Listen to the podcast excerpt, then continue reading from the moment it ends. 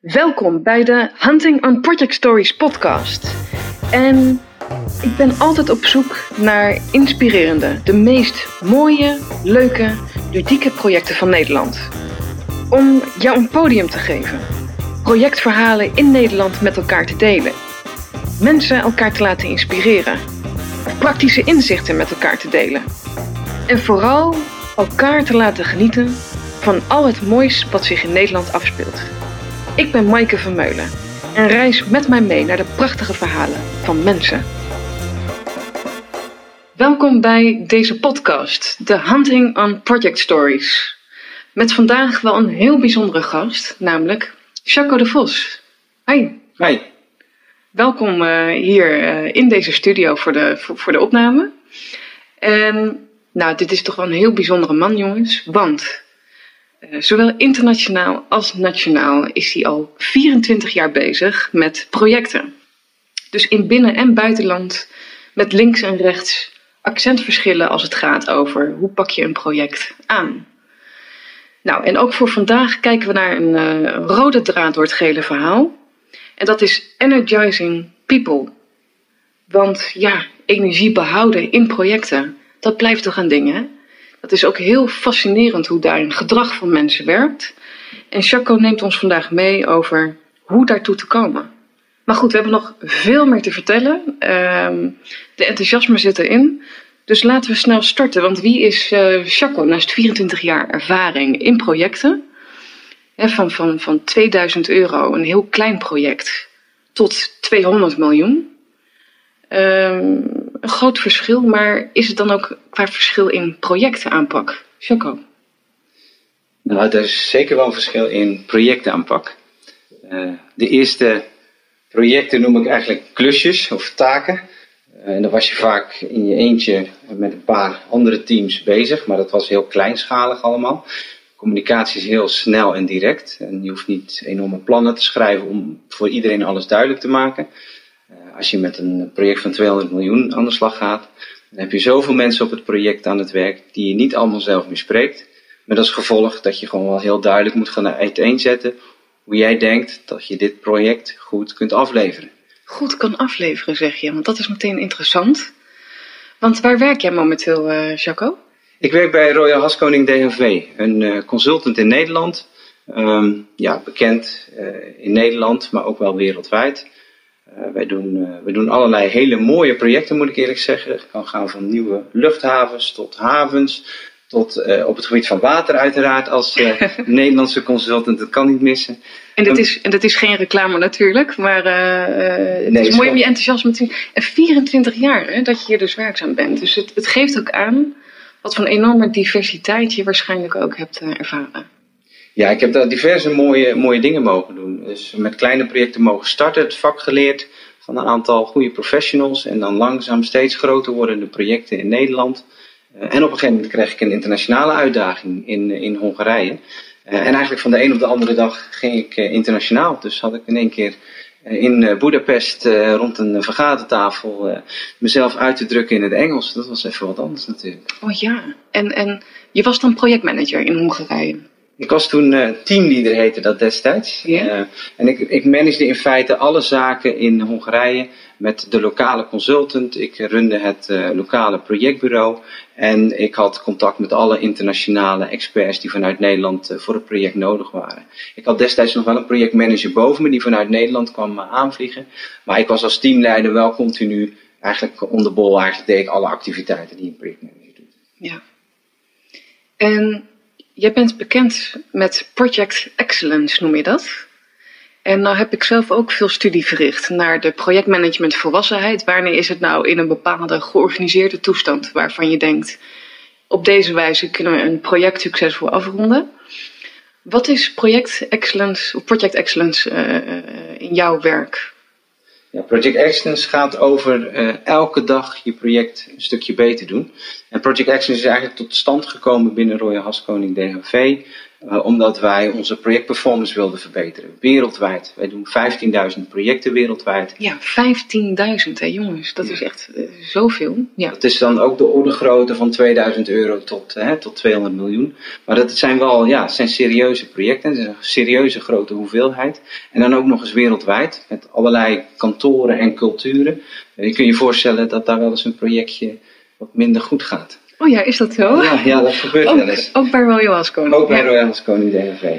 Maar daar hadden we dus project Excellence voor. Hoe zouden we dat eigenlijk steeds minder kunnen laten worden? En dat we eigenlijk steeds beter worden in onze projecten. Dat we eigenlijk altijd goede projecten leveren aan onze klant. Dat wilden we graag. We willen gewoon altijd dat project goed afleveren bij de, komt dat woord weer, afleveren. Maar we willen altijd het project goed afleveren bij de klant. Want wat is, wat is afleveren voor jou? Ja, voor mij is dat, dat echt dat de klant tevreden is met het resultaat. En dat wat wij leveren, dat dat heel goed past in zijn strategische uh, doelen die hij heeft met het project. Want hij heeft een reden waarom hij een project doet. En hij is dan? Nou, hij is dan de klant. Kan ook een zij zijn overigens. Oh, sorry. Kijk, nee, nee. It's just a question. goed.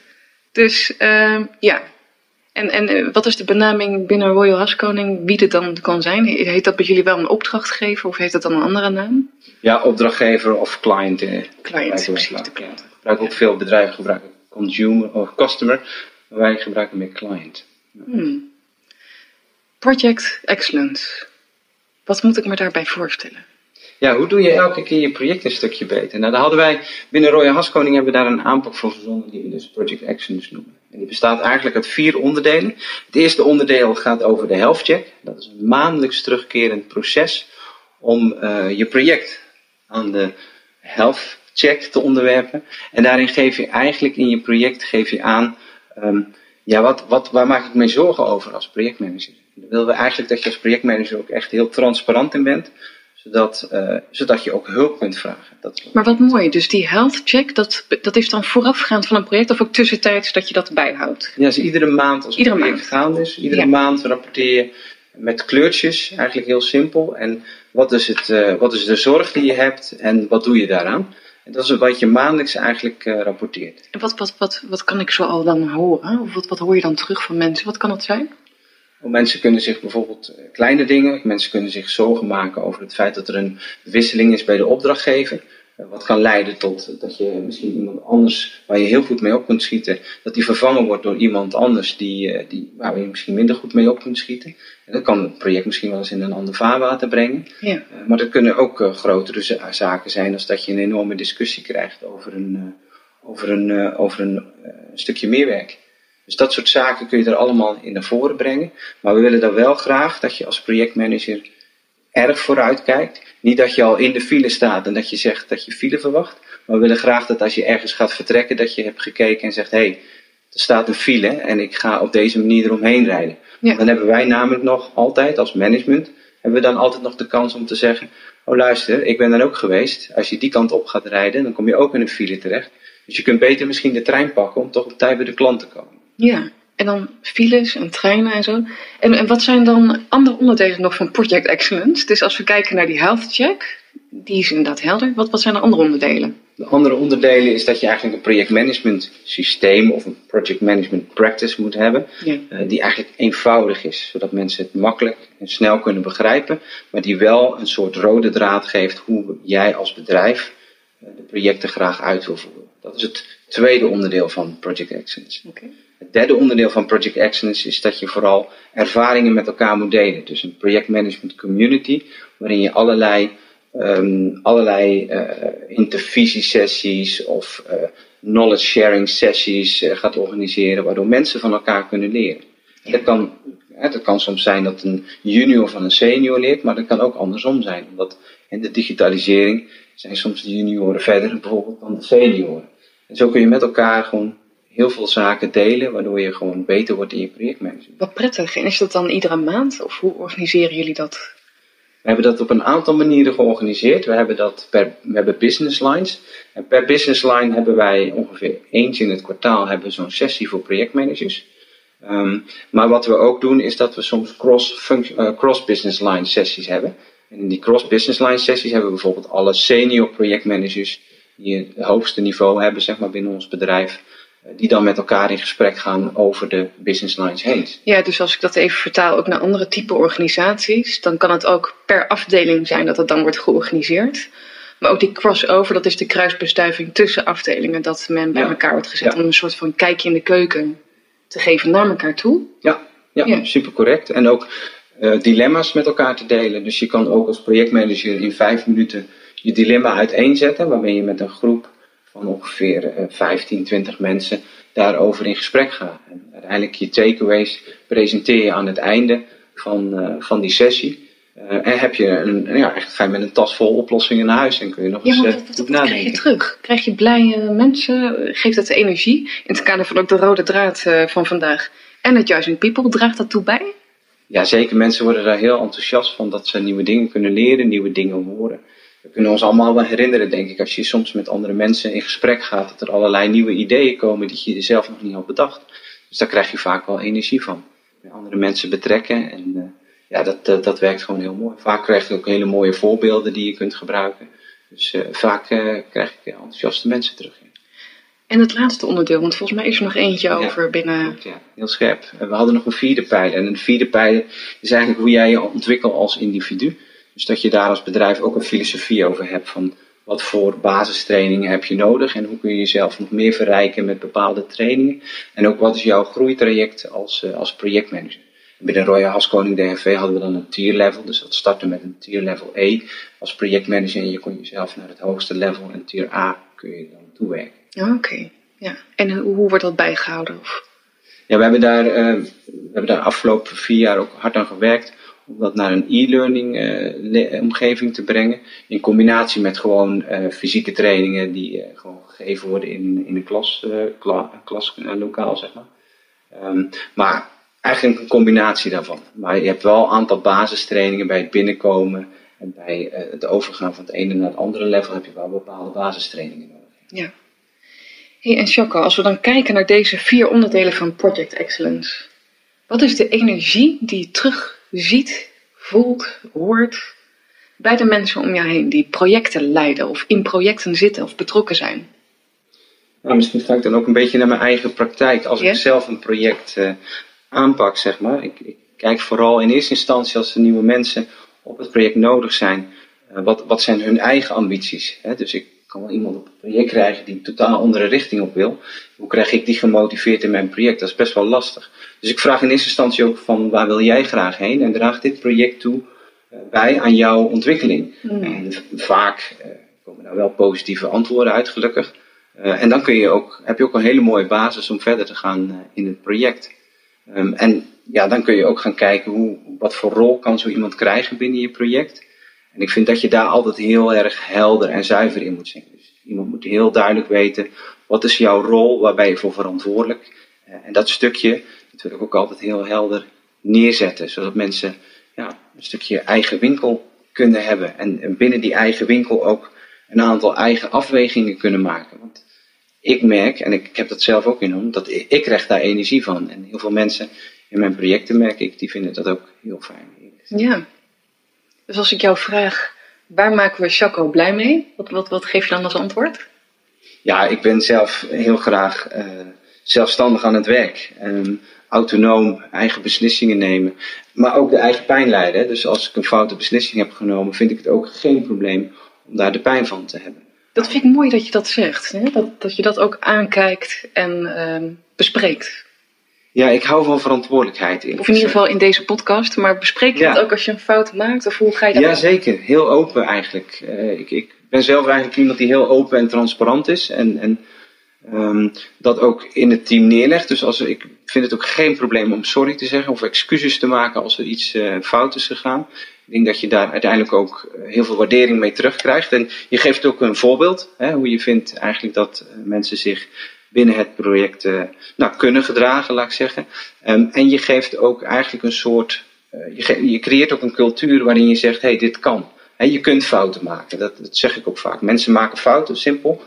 Uh, maar laten we vooral erkennen en dan gaan kijken hoe ze op kunnen lossen en hoe we ze in de, in de toekomst echt kunnen vermijden.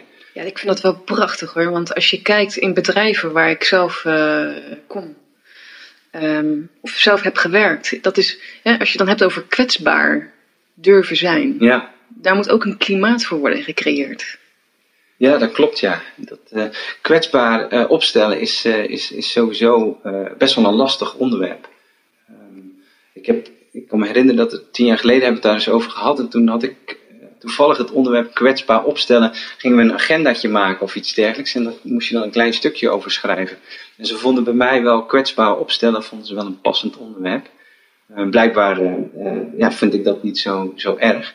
En ik merk dat dat heel vaak ook wel gezien wordt als een soort zwakte. Hmm. Terwijl ik het daar eigenlijk helemaal niet mee eens ben. Het is een enorme sterkte die je hebt. Alleen je moet het wel durven. En als je het durft, dan, ja, dan gaat het vanzelf als een sterkte werken. Ja, dan sta je voor jezelf ook, hè? Dus die kracht komt er dan ook uit. Ja, ja en, en je bent dus ook gewoon bereid om eh, te zeggen dat je iets niet goed hebt gedaan. Eh, en je, ja, je, staat gewoon, je staat er gewoon voor open in feite. Ja. Ik vind dat wel, eh, ik, ja, ik vind dat altijd een heel mooi iets. Dat is, Mm. eh, ik zal dat altijd promoten in mijn project. Dus waar wordt Chaco blij van? Waar word jij het meest blij van? Waar word ik het meest blij van? Ehm, Als jij een project afrondt of je gaat naar huis, wanneer heb jij een goede dag gehad? Nou, ik denk even terug aan een paar weken geleden, ik, of een paar maanden geleden. Ik heb een project overgenomen.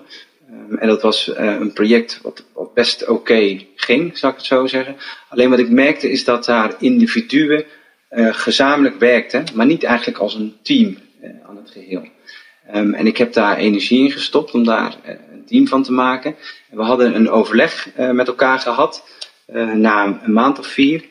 En we hadden daar zulke mooie dialogen met elkaar gehad. We hebben, we hebben werkelijk bijna niks opgelost in dat overleg. Maar de dialogen waren zo mooi. Dat eh, doordat wij de dialoog hadden, iedereen heel erg scherp kreeg. Waar gaan wij naartoe in dit project? En dan rij ik blij, blij naar huis. Want dan denk ik, nou, iedereen heeft nu op zijn vizier, wat is de, de, de, ja, de North Star, wordt vaak gezegd, van het project. Maar waar, waarom doen wij dit project? En waar gaan wij heen? En hoe gaan wij daar komen? Ja. En dan gaat iedereen ook in diezelfde richting werken. Dus eigenlijk ga je met, met z'n allen in dezelfde richting roeien. Ja. Nou, dan, daar word ik blij van. En dat is dan alleen nog maar een dialoog in een overleg. Dus eigenlijk ben ik hartstikke snel blij. Ja. Nou ja, ik zie die, dat zien jullie niet, eh, lieve luisteraars, maar ik zie twinkeling in de ogen van. En Dat, dat is mooi, hè? Passie voor het vak. En, en heb jij ook eh, passie voor jouw vak in, in projecten? Dat is zo van belang, hè? Omdat vanuit die voorbeeldfunctie ook die jij aangeeft, die je toch naar anderen toe ook hebt, dat je dat uitstraalt vanuit je, je energie. Ja, zeker. Want waar krijg jij energie van? Waar krijg ik energie van? Ehm, ik krijg vooral energie van. ik even goed over nadenken. Ehm, dat is wel een hele moeilijke vraag. Ik wat- meestal andere energie. Maar eh, waar krijg ik energie Energizing van? people. Dus, Energizing dus, people, ja. Als je het naar jezelf toe terug eh, reflecteert. Nou ja, vooral met, met mensen omgaan vind ik gewoon heel leuk. Dus met mensen gaan kijken hoe je iets succesvol neer kan zetten. En dat iedereen daar op een goede manier aan kan bijdragen. En ehm, ik zie vaak dat, dat mensen die, die in een bepaalde rol zitten en dat goed begrijpen eh, en daar ook goede stappen in maken. Ja, dan, dan eigenlijk ben je als projectmanager dan gewoon sowieso blij. En kun je, eh, kun je heel mooi coachend zo iemand verder helpen. Ja, dat is, Dat mooi, is een, dat is een, dat, als, je, als je dat bereikt, dat is eigenlijk wel een heel mooi punt. Dat je eigenlijk als projectmanager alleen maar faciliteert en coacht. En eigenlijk voor de rest nou, richtinggevend bent. Dat is wel dat is het ultieme waar ik altijd naartoe werk, zeg maar. Eh, en, dat, en dat bereik je natuurlijk nooit of maar eens op bepaalde momenten. Eh, maar dat is wel iets waar, waar je heel blij van wordt en waar ik energie van krijg. Maar ik krijg ook gewoon sowieso energie van het werken met teams en met mensen. En gezamenlijk afspraken maken en eh, discussie voeren. Ja, dat is ook zeker wel helder bij jou. Leuk om te zien, mooi. Ja, Je vertelde ook dat je studeert momenteel. ja, ja. De Global MBA. Hè? Eh, verschillende variaties bestaan er. Deze volg jij, wat een samenwerking is vanuit vijf universiteiten met elkaar bij de Erasmus. ja. correct. Wat ik zelf heb ervaren vanuit mijn eh, sociaal-organisatorische bedrijfskunde is dat die vakken zo heel erg mooi kunnen zijn als kruisbestuiving ook in projecten tot een goed einde brengen. Welke vakken komen zo bij jou aan bod vanuit die Global MBA? Kun je daar iets kort over vertellen? Ja, ik herinner me nog mijn eerste vak, wat Leading and Managing Global Operations eh, heette. Ehm, of organizations. Ehm, en dat ging heel erg over cultuur en over motivatie en over power. En dat vond ik wel heel erg boeiend. Want ik, ik, heb natuurlijk heel wat landen gezien en ik ben in heel wat uh, ja, landen ook gewoon echt gewerkt. Dus niet alleen maar gezien van vakantie, maar ook gewoon echt met teams aan de slag. En uh, ook een aantal landen gewoond. En die verschillen in cultuur, die vind ik wel erg mooi om, om mee te maken. Um, en, en dit ging daar heel erg over. Dus dat kreeg daar, dat kreeg daar veel meer vorm nog. En, en allerlei modellen. Ja, dat, dat, gaf mij, uh, dat gaf mij wel een goed gevoel, eerlijk gezegd. Dat ik... Kun je één voorbeeld geven die je echt bij is gebleven? Dat je zegt, wauw, hoe je dat visualiserend voor je ziet? Ja, ik vind zelf het model van, uh, van Froome, wat, um, wat gaat over het motiveren van mensen, dat vind ik wel een mooi model. Wat ik ook wel regelmatig eens even op teruggrijp in een project. Als ik, als ik misschien iets, iets niet helemaal kan verklaren of dat ik nadenk hoe kan ik mensen motiveren. Maar dat model zegt in feite dat mensen bereid zijn om er efforts in te stoppen. Uh, als ze denken dat ze het ook gaan kunnen, dus dat ze de performance ook echt uit kunnen voeren. En als ze er ook iets aan hebben, en dat is dan de output. Dus het gaat over efforts, performance en output. En als alle drie die elementen aanwezig zijn, ja, dan zijn mensen vaak veel meer gemotiveerd om, uh, om stappen te nemen. Dus soms hou ik wel eens zaken tegen het licht. Of ik wel uh, dingen vraag aan mensen. Um, of ze aan alle drie die voorwaarden voldoen. En, ja. en dat geeft nog wel eens een. Uh, nou, dat, dat kan nog wel eens een licht schijnen op, uh, op een issue. Nou, ik vind dat wel een prachtig middel ook inderdaad om te hanteren. En die zal ik ook in een link plaatsen bij deze podcast, waar mensen op kunnen klikken om daar eens naar te kijken. Ja, ja zeker leuk. Ecosysteem een opwaartse trend, kunnen we zeggen. Ja. Die manier van kijken naar de wereld. Wat is, wat is dat voor jou? Voor mij is misschien ecosystemen wel een nieuwe bedrijf. Dus uh, nu zijn er grote organisaties met heel veel mensen. Uh, maar ik zie eigenlijk ecosystemen als misschien wel het nieuwe bedrijf. Ben je daar ook heel bewust mee bezig binnen jouw projecten? Ja, niet zozeer binnen het project zelf, maar wel als, als zelfstandige. Ik ben bezig om zelf zelfstandig te worden. Ja, dus na 24 jaar Royal Haskoning ja, verhaal je het voor ondernemerschap. Ja, ja, ja. Okay. Hm. Ja, daar heeft mijn MBA ook wel inzicht in gegeven. Ik ben ook wel bewust mijn MBA ingegaan om te kijken van nou, 24 jaar mooie projecten doen bij Royal Haskoning DHV. Uh, ga ik dat nog 20 jaar doen of ga ik wat anders doen? Um, ik heb altijd heel graag mijn eigen bedrijf willen hebben. En ik, ik heb nu de vraag gesteld, is het nu het moment of uh, ga ik het nooit meer doen? En dan zit ik op mijn tachtigste op een bankje, kijk terug en dan denk ik, had ik het maar gedaan. nou, die stap wil ik dus, dat wil ik eigenlijk voorkomen. Dus uh, ik ga de stap maken. En daar zie ik ecosystemen, zie ik daar uh, als een heel mooi, ja dat zie ik wel als een heel mooi middel om, om mooie dingen te gaan doen in, in de wereld. Kun je daar heel iets kort over vertellen van, met Project Excellence hè, wil je bedrijven helpen, mensen binnen bedrijven om de volwassenheid van succesvol af kunnen ronden van projecten op te kunnen schroeven. Ja. Dus je wilt helpen om beter te excelleren in het afronden van projecten. Ja, correct. Um, als je kijkt naar eco's, het ecosysteem, hoe verhoudt zich dat naar elkaar toe? Hoe, hoe, hoe wil je dat gaan aanpakken? Nou kijk, het, het excelleren in projecten, als je dat zo brengt dat je echt een organisatie wil gaan helpen, dan heb je meer nodig dan alleen maar Chaco de Vos ik ben ook maar één persoon en ik heb, ik heb een visie en die draag ik uit en daar kan ik bedrijven best wel heel veel mee helpen. Maar ik denk dat het een bedrijf, een klant in dit geval voor mij dan, dat die enorm verrijkt wordt als ik daar ook andere inzichten en andere mensen in uh, inhaal. Die, uh, die gewoon veel meer toegevoegde waarde op bepaalde onderdelen kunnen brengen dan ik in mijn eentje. En soms kan het een combinatie zijn van mensen, maar soms is er gewoon iemand gespecialiseerd in, uh, in een bepaald onderwerp. Nou, neem jezelf. Je hebt ook heel veel toegevoegde waarde. En jij brengt weer net andere dingen bij een bedrijf binnen als dat ik zou brengen. Maar het, het kan wel allemaal bijdragen om Project Excellence binnen een bedrijf te, werk, uh, ja, te laten werken. Dus, het, dus het gaat, ik hoor nu componenten als uh, kennis, kennisdeling, community building. samen. Samen. Samen. Wat zijn nog meer van die woorden? Die um, daarin vallen? Toegevoegde waarde vind ik sowieso heel belangrijk. Um, ja, de beste die komen altijd als eerste omhoog. Dus dat, Precies, ja. ja. Maar de, ja, ja, heel veel zaken eigenlijk. Het ecosysteem zie ik eigenlijk als een, als een, ja, als een, als een soort organisatie die, die gewoon nieuwe opdrachten kan aanhalen. En dat is een organisatie die gewoon afhankelijk is van de vraag En dan lever je op basis van, uh, van de vraag lever je gewoon de meeste toegevoegde waarde. En dat doe je met een aantal mensen om je heen. En dat zijn dan vaak ook zelfstandigen of dat zijn misschien kleine bedrijven. Maar met die groep tezamen ja, kun je volgens mij hele mooie dingen doen. Ja. En ik, ik, die organische vorm van, uh, van, van een organisatie, ja, ik, ik geloof er wel in dat dat het nieuwe, het nieuwe bedrijf is. Oh, dan moet je dit jaar echt komen naar het Futureproof uh, Project Management Summit, wat wordt uh, georganiseerd in oktober. Uh, dat beantwoordt alles uh, dat waar jij voor staat en waar ik ook echt in geloof. Ja, het nu en de toekomst, absoluut. Nou, dan ben ik nu al enthousiast. Ik ben er. Goed zo. Um, dus ondernemer in SP. Kijk, op een gegeven moment gaat Chaco ook weg bij een bedrijf. Dus hè, je hebt gewerkt aan die project ja. excellence. Je wilt ook een bepaalde, dat is ook zo'n prachtig woord, de zelfredzaamheid creëren. Een bepaalde zelfstandigheid waar mensen zelf mee verder gaan. En dat vraagt ook bepaalde leiderschapskwaliteiten van de mensen in organisaties.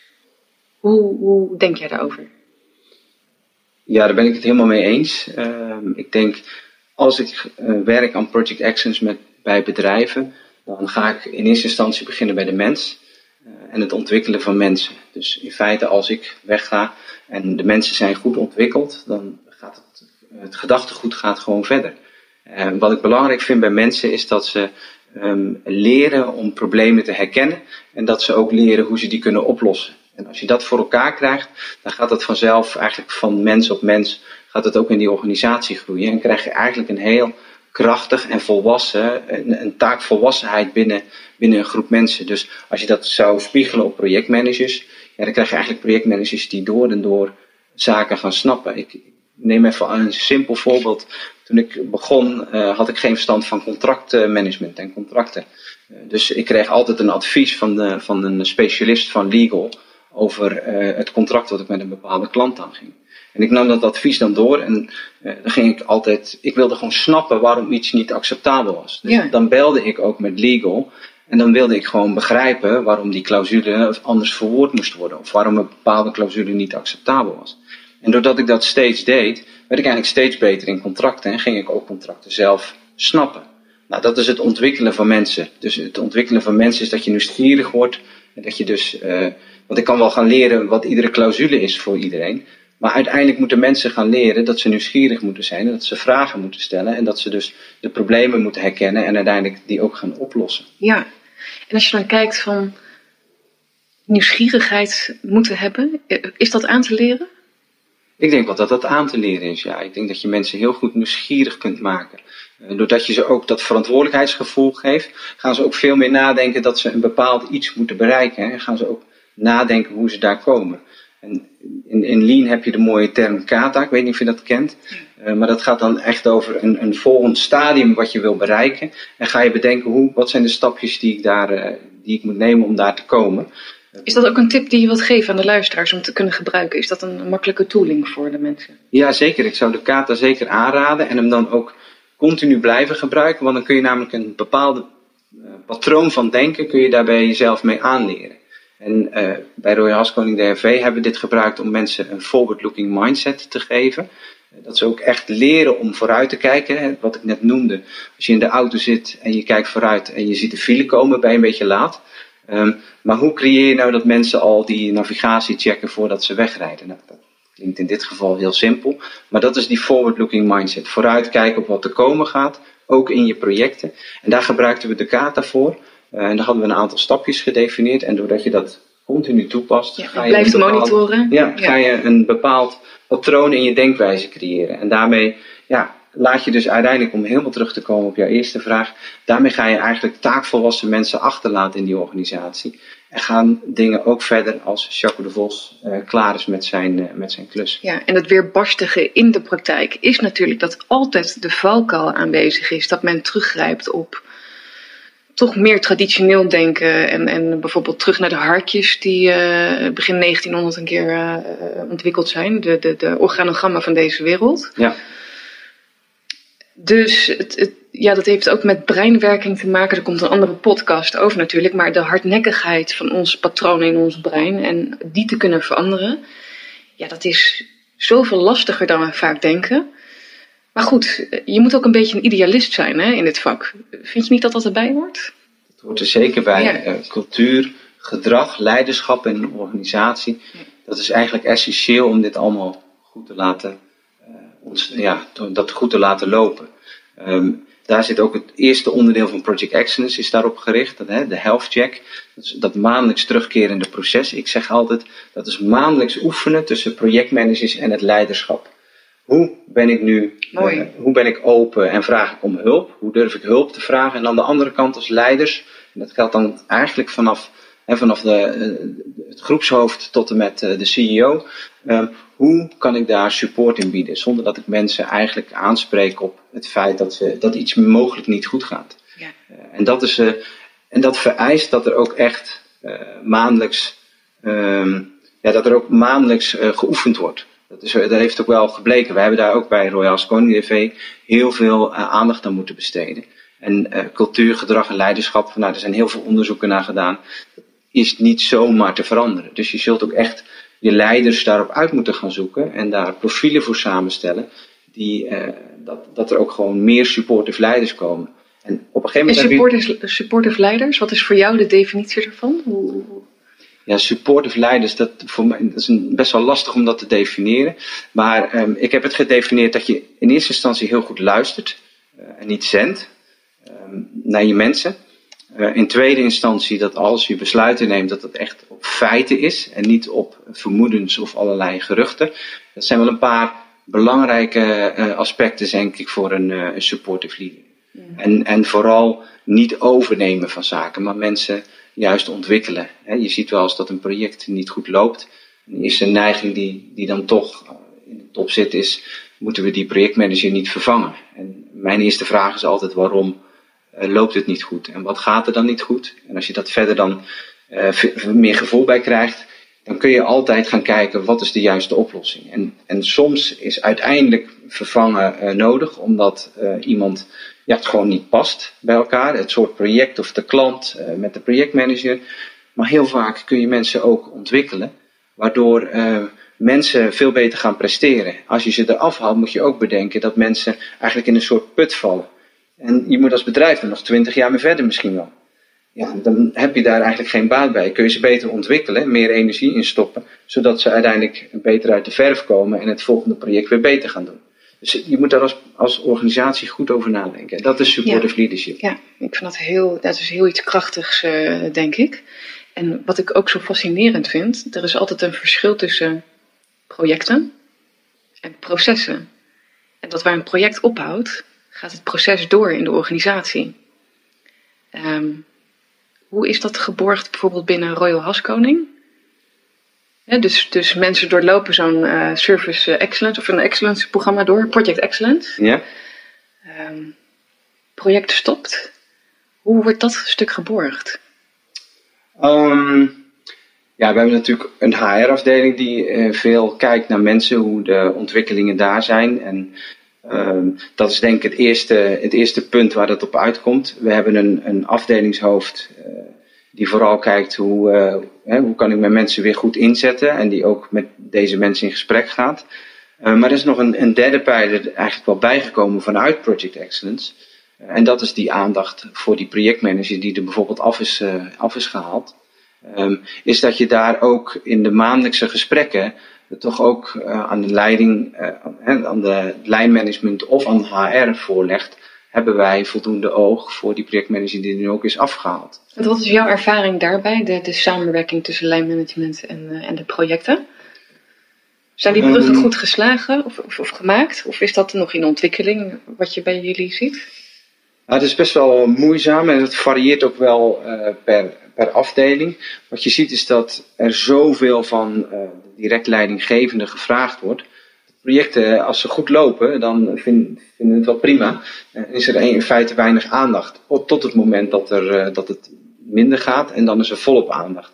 Dus daarmee zie je eigenlijk dat door de drukte en de, de werkdruk eigenlijk, zie je eigenlijk dat projecten pas aandacht krijgen als ze het nodig hebben. En dan krijg je firefighting. En dat is eigenlijk niet waar je heen wil. Je wil het liefst eigenlijk dat je een probleem, en daar is de health check ook voor, dat de problemen eerder uh, gesignaleerd worden en dat je nog ja, nog maatregelen kunt nemen en stappen kunt nemen. Dus binnen het bedrijf Royal Koning DNV heeft dat zeker geleid tot de eerder aandacht voor projecten en uh, tot minder firefighting. En mm. zoals je wel kunt bedenken, firefighting vergt altijd heel veel tijd, want je moet ook heel veel dingen corrigeren. Dus als je dat kunt voorkomen, ja. dan kun je beter vooraf nadenken over de mogelijke oplossingen, als dat je uh, achteraf het probleem moet gaan, uh, gaan opruimen. Ik hoor in uh, verschillende organisaties over vuurtjes stoken, maar firefighting is weer uh, het andere uiterste. Dat is weer een nieuwe, nieuwe term. Nieuwe term, ja. Dus ad hoc management. Ad hoc management. Ja. Uh, ja, dus het is ook altijd wat met, met de taal in projectmanagement. Hè? Dat, je, dat ik ook hier tijdens ons mooie gesprek uh, goed blijf luisteren van wat voor termen hoor ik en, en, kan iedereen het dan volgen. Dat is een heel leuke uitdaging in uh, projectmanagementland. Dat is bijna een onderwerp op zich, om de terminologie uh, juist te hebben. Ik, toevallig op het gebied van financiën, projectfinanciën, waren binnen ons bedrijf ook allerlei definities gaande. Dus op een gegeven moment heb ik daar ook als Project Excellence een, een, presentatie neergezet. Hoe willen wij nu die definities hebben? Waarbij het voor iedereen helder wordt. En ja, waar hebben we het over? Waar hebben we het over? Ja, we hadden het over een Project Execution Result. En wat is dat nu eigenlijk? Ja, dat, was een, dat leverde soms ook discussie op. Dus ook daar kun je heel duidelijk dingen neerzetten. En dat wordt dan weer in het vakje, wat mij betreft, Project Management Practice. Dat je gewoon heel duidelijk met elkaar afspreekt. Waar moet dit heen? Want onze projecten worden steeds complexer. Dus we moeten eigenlijk deze dingen wel goed geregeld hebben. En onze projecten heb je het dan over uh, Royal Haskoning of de, de, de, de, de algemene trend die je ziet in projectmanagementland? Ja, beide eigenlijk. Dus zowel eh, bij Royal Haskoning, maar zeker ook in projectmanagementland. je ziet dat projecten groter worden. Je ziet dat klanten steeds meer strategische projecten ook eigenlijk uitzetten bij hun bij consultants of bij andere partijen. En dat betekent dat je, dat je dus veel meer uh, daarbij aan moet sluiten. En dat je ook als projectmanager heel communicatief moet zijn, moet begrijpen waarom een klant een project doet. En ook, ja, je komt ook op een hoger level terecht. Dus je zit ook heel vaak uh, richting boardroom om je projectrapportages uh, in te leveren. Dus dat vergt ook van projectmanagers echt wel wat, wat anders. En Jaco, wat zou je nog willen leren? Wat zou je voor jezelf nog. Eh, je bent, je bent nog eh, bezig met je Global MBA. Ja. Wat zijn nou typische facetten waar je nog wat meer zou van willen weten? Nou, voor mij op Project Excellence gebied ben ik nog lang niet uitgeleerd. Uh, wat zijn die componenten daarbinnen dan waar je meer over wilt weten? Ik vind zelf cultuur, gedrag en leiderschap vind ik enorm interessant. Hoe verander je cultuur? En ik, ik weet als een vraagstuk, daar ben ik niet de enige die daar meer over wil weten. Maar daar zou ik echt wel heel veel meer van willen, eh, willen weten. Dat is natuurlijk heel breed. Als je daar binnen kijkt, wat voor elementen blijven daar dan nog in overeind voor jou? Um... Ja, dus als we het hebben over leiderschap, gedrag, cultuur, verandermanagement hoor ik ook. Ja, hoe je dat vooral combineert met projecten ja. Um, en hoe je dat dus inzet. Uh, ik, ik, ik, kijk zelf heel vaak naar de individuen. Dus als je van cultuur kleiner gaat, ga je naar het individu. En wat drijft mensen en hoe kun je mensen ook veranderen? We zitten echt in een, in een tijdperk waarin eigenlijk iedereen moet veranderen.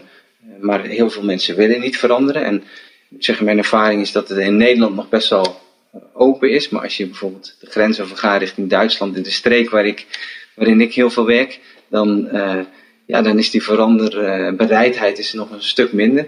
Maar hoe zou je die mensen nu zover kunnen krijgen om toch die veranderingen te gaan maken? Want vaak is de stap, er moet urgentie zijn. Als er geen urgentie is, is er geen verandering mogelijk. Uh, maar eigenlijk ja, staat het water tot de lippen bij, uh, bij, uh, bij sommige partijen. en denk ik, ja, je moet aan de slag. Dus ik vraag me dan wel af, wat, wat, waarom, waarom komt die verandering niet? Ik ben, ik ben er zelf heel, ik, ik verander heel graag. Ik, vind, ik voel me daar comfortabel in. Ik, ik ben ook prima als ik uit, uit mijn comfortzone moet gaan werken. In het begin even niet, dan ben ik wat onwennig. Maar um, ik vind dan toch weer wel mijn plek en dan, ja, dan is het eigenlijk je comfortzone geworden. Dus, mm, ja, um, wat ik zo mooi vind, hè, dat, dat stelt ook vast heel veel mensen gerust. Dan heb je 24 jaar uh, ervaring met projecten. Ja. Maar dat je ook mens bent en ja, blijft leren als het gaat over gedrag eh, van mensen? En hoe ga je daarmee om om je stappen voorwaarts te kunnen blijven maken met projecten? Ja, zeer zeker. Ehm, ik ben ook maar gewoon een mens van vlees en bloed. Ja, gelukkig. En ja. Uiteindelijk rijd ik naar huis, heb ik ook een gezin. Heb ik ook een puber thuis waar je ook af en toe over na moet denken hoe je daarmee omgaat. ja. Maar je blijft gewoon eh, continu leren. Ik merk het ook op mijn MBA. Eh, daar leer je ook gewoon heel veel leuke nieuwe dingen. Ik krijg daar wel energie van. Ik ben wel iemand die graag leert en, en dat ook weer toepast. Dat heb je ook altijd gedaan door jouw carrière heen. Ja, ik heb wel altijd eh, opleiding gehad. Niet een enorme hoeveelheid moet ik zeggen, maar wel, ik heb wel altijd opleiding gehad. Ehm, maar ik heb wel, wat ik wel altijd heb gehad is out of my comfort zone, wat ik net al meldde. Jezelf opstretchen, bedoel je? Ja, ik, ik, ik noemde eerder in dit eh, interview dat ik eh, in, eh, in Hongarije aan het werk ben gegaan. Dat was een enorm diep zwembad. En Wat, wat, wat vond je, want dat vind ik leuk, ik wil dieper. Wat vond jij lastig in, in een project? Dus we pakken Hongarije. Ja, Wat was dan zo'n situatie dat je denkt, hè, hoe kom ik hier nou uit? Nou, het was voor mij, eh, was voor mij heel interessant. Je had een, een, een bedrijf waar ik dan voor werkte en je had een lokale partner. En eh, de verhouding tussen die twee en hoe dat uiteindelijk in, in mijn kantoor, in mijn projectkantoor, samenkwam. En hoe dat soms de dynamiek gaf, eh, maar ook wel processen die je soms niet helemaal wilde. Ja, Wat voor dynamiek zag je dan gebeuren?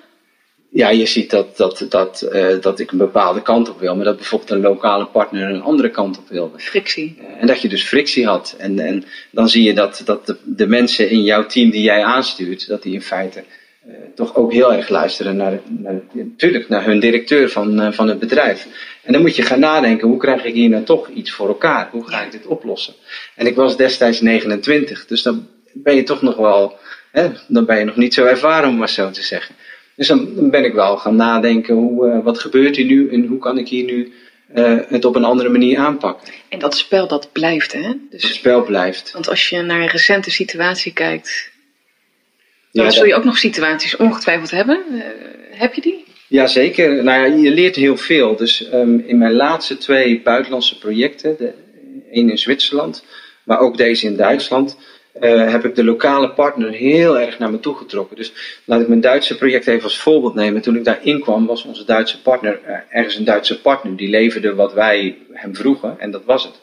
Dus een van de eerste dingen die ik heb gedaan, is de partner van het Duitse, van het Duitse bureau, echt de, de persoon, zeg maar, de directeur, die heb ik eh, deputy project manager gemaakt. En die heb ik naast mij gezet en die heb ik gewoon gezegd van luister, wij gaan dat samen doen. En eh, ik heb jou nodig, omdat ik soms in een overleg zit, dan denk ik wat bereikt te hebben. Maar in de Duitse context heb ik misschien helemaal niks bereikt. En ik wil dat jij mij dat meebrengt en ik wil dat jij meehelpt dat we hier alles gaan, eh, gaan, goed gaan neerzetten. Wat was het gevolg daarvan, dat je het zo aanpakte?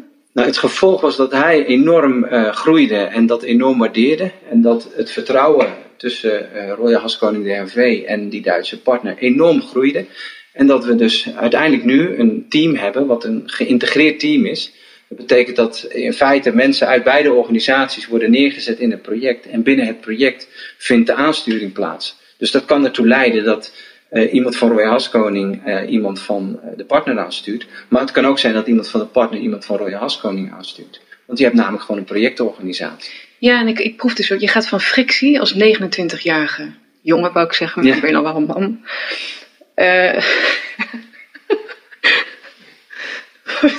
Jongeman. ja, een jonge, ja, een jonge man van 29 jaar die van frictie gaat naar eigenlijk een georganiseerd vermogen om verschillende partijen met eigen belangen tot elkaar te brengen en Ja, daarin een ja. samenwerking te creëren. Dat Ja. is eigenlijk wat ik je hoor zeggen. Ja. Ja. En eh, dat ging zelfs nog een stap verder. We hebben zelfs eh, op basis van het vertrouwen en het, de samenwerking die we hebben gecreëerd, hebben we zelfs eh, de tarieven die we met elkaar in een contract hadden besproken, die voor ons niet zo heel gunstig waren, hebben we uiteindelijk eh, ook open besproken en hebben we ook gewoon die bijgesteld, waardoor het voor beide partijen toch echt wel iets fijn, nou, met name voor ons als partij wel iets, eh, iets prettiger werd. Ja, en daar komt die dialoog weer naar voren, waar je het ook eerder over had. Nou ja, het, het klinkt zo simpel, maar het juiste dialoog met elkaar kunnen voeren, Ja, maar dat begint wel bij vertrouwen. dat begint bij vertrouwen. Bij vertrouwen en, en respect voor elkaar. Dus eh, dat zijn wel dingen die belangrijk zijn in je project en in je, ja, in je samenwerking. Dus vertrouwen Ehm, en de vorige element die we bespraken, wat was dat? Eh, Vertrouwen, wat je zei. En? Respect. En respect. Ja. Zit dat ook in je Project Excellence? Ja, dat zijn, Verhaal. dat zijn wel basiselementen. Ja, me Openheid, transparantie, vertrouwen, respect. Ja. Eh, dat zijn echt wel zaken die, eh, Die waarden, die, die zitten daarin terug. Eh, Absoluut. dat kader wat jij Absoluut, gebruikt ja. om projecten tot een succes eh, te brengen. Ja, absoluut. Ja, als dat er niet is, dan, dan wordt het heel moeilijk. Dan ga je op een andere manier samenwerken. En ja, de vraag is, kun je dan spreken van samenwerking? Hey Chaco, waar wil jij in de toekomst staan? Nou, Ik wil heel graag. Ik, ik vind Project Excellence heel in- inspirerend. Ehm, ik leer daar elke dag nog in.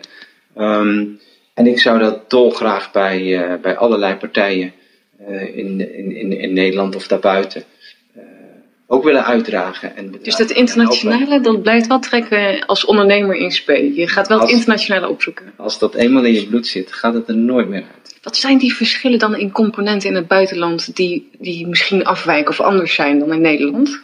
Voor jou? Ik, ik word gewoon heel blij van mensen in andere landen. Eh, als, ik- als, ik, als ik naar Azië ga, of, maar ook gewoon, ik heb veel in Albanië ook gewerkt. Het zijn een beetje boefjes, zeg ik altijd in Albanië, maar het zijn allemaal wel leuke boefjes. En, Leuke boefjes. Ehm, en, en er valt ook nog heel goed mee samen te werken eigenlijk, eh, als zolang je heel duidelijk bent. En ehm, ik merk gewoon dat, dat ja, als je daar gewoon een goede band mee opbouwt, kun je daar ook met vertrouwen en respect, kun je daar echt hele mooie dingen doen. En daar krijg je ook heel veel voor terug. En dat, dat, dat boeit mij wel. Ik, ik word wel enthousiast. De cultuurverschillen, die moet, je, die moet je niet zien als dilemma. Die moet je zien als, als zaken die je kunnen helpen. Die moet je vooral gebruiken om verder te komen. Ehm, en ja, je zit ook met dilemma's van eh, ethiek. En eh, eh, ja, daar moet je ook gewoon goed mee omgaan. We hebben een project gehad in Griekenland. ehm, en dat ging over ehm, integriteit. En vanuit onze integriteitsnormen zeiden we van nou, we willen niet dat er, eh, dat er dingen ge- eh, aangenomen worden van allerlei gemeentes en dergelijke, omdat we daar veel mee moesten onderhandelen. Eh, en in Griekenland was de norm, ja, als je iets krijgt, kun je het niet afwijzen.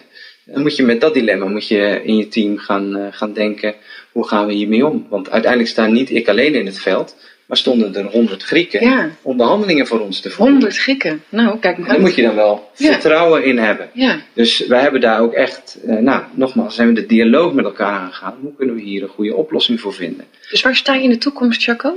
Waar sta ik in de toekomst? Wat, hoe ziet dat eruit voor jou? Is dat over vijf jaar, tien jaar? Wat, wat, wat voor een beeld heb je? Je bent een visuele denker volgens mij. Ja, Wat heb jij voor een beeld voor je? Wat gebeurt nou, er? Over, over vijf jaar zou ik graag eh, mijn eigen bedrijf laten floreren op, eh, op het gebied van projectmanagement en project excellence. Dan zou ik dolgraag met allerlei mensen samen willen werken waar ik energie van krijg en die ook energie van mij krijgen. En eh, hele mooie dingen doen voor allerlei bedrijven. Dat, dat, zou, dat zie ik wel als een hele mooie, mooie toekomst. Ja. En dat kan een bedrijf zijn wat, ehm, wat een eenmanszaak is, maar wel werkzaam in een, in een ecosysteem van allerlei andere mensen. Eh, want in mijn eentje, eh, dat zie ik niet zitten. Dat ik echt in mijn eentje het werk zou verrichten. Ja, dat herken ik ook. Het is zo prachtig om met, met ja, verschillende partijen samen te werken. Zo'n mooie kruisbestuiving. Maar goed, dat zei ik volgens mij eerder in ons gesprek. Ja, Ehm, of het was hiervoor toen we elkaar spraken. Eh, elkaars zienswijze. Ik heb ook een, een, een hospitality achtergrond. Gastvrijheidskijk op de wereld. Nou, die is weer anders dan... Wat is jouw oorspronkelijke achtergrond? Mijn oorspronkelijke achtergrond heel wat anders. Ik heb eh, chemie gestudeerd en ik heb ook technische milieukunde gedaan. Ja. En ik, en, en ik kom uit Zeeland, dus het is echt eh, voor mij, ja, ik, ik zit in een hele andere, Ja, andere flow inmiddels. Dan, maar Oh, goed, ja? dat heb ik al heel wat jaren achter me. ja, geweldig. Ja. En ja, mijn ouders zijn wel ondernemend in die zin. Ehm, maar zijn wel mensen die gewoon eigenlijk altijd in het Zeeuwse zijn gebleven. En daar ook heel gelukkig zijn. Dus dat is, Ja. dat is ook heel mooi. Een cultuur op Ja. zichzelf staand. eh, Ja. in het mooie Zeeuwse. Iets in mij ja, drijft mij om, om toch verder te gaan. Ik ben inmiddels wel een wereldburger, om het zo te zeggen. Ja. We gaan terug naar de rode draad die door het gesprek heen zou lopen voor deze podcast. Zijn jullie kwijt? Energizing people. Nou, laat ik dit eh, voorop stellen. Ik merk in ieder geval, dus ik, ik neem aan ook de luisteraars met mij. Jij die luistert, dat energie in deze man zit. Ja, al zoveel jaren zit jij in eh, projecten, werk je in, in projectmanagementland. Je gaat voor jezelf starten ook, waar het van doen heeft met projectmanagement. Als we de kern eruit halen van dit gesprek, hoe jij wilt afsluiten met mij. Hoe creëer jij energie met de mensen om jou heen? Want dat staat wel centraal voor jou als onderdeel voor het creëren van projectsucces. Ja. Wat zou je willen meegeven?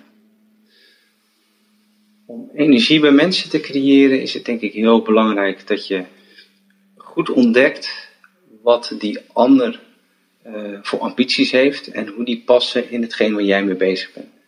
Um, en dat je ook met elkaar een open dialoog daarover aangaat. Um, en dat je heel helder bent over wat je van die ander verwacht, hè, als je projectmanager zou zijn dat dat kader ook goed neergezet wordt. Um, je moet daar zelf, denk ik, altijd heel duidelijk uh, de visie bij aangeven, welke richting het op moet gaan. En um, van daaruit uh, kun je ook vrijheden geven aan degene waar je mee werkt, om het op zijn manier of haar manier uh, uiteindelijk te gaan doen. Dus maar als ik je even mag onderbreken, als we dan bullet points pakken, van wat voor topics zien we dan terugkomen?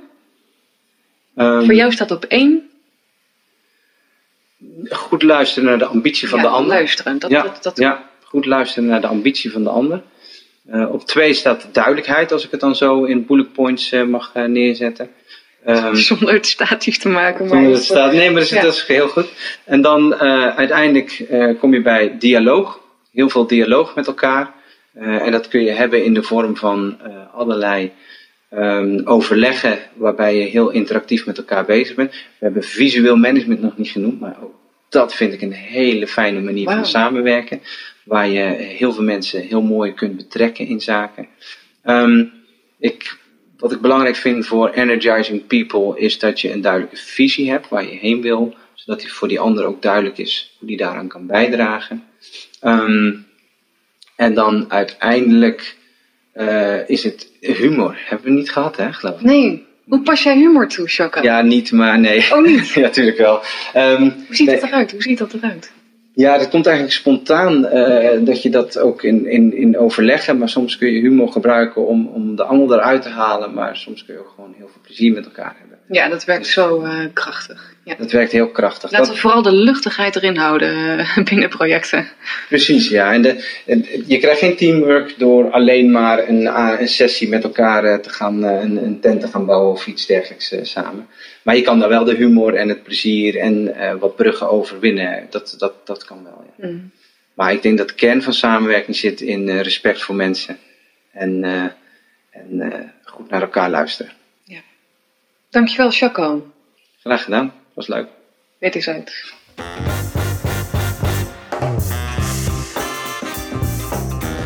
Dankjewel voor het luisteren naar deze eerste podcast met Chaco de Vos.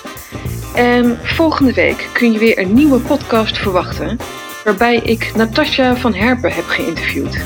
Zij was 11 jaar verantwoordelijk voor Safari Park Beekse Bergen onder andere om de kinderdroom en de droom van de directeur te realiseren in projecten.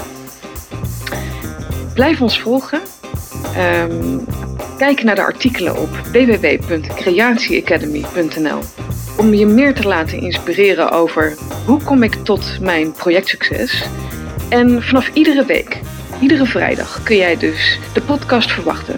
Hunting on Project Stories, de mooiste projectverhalen van Nederland en de Benelux.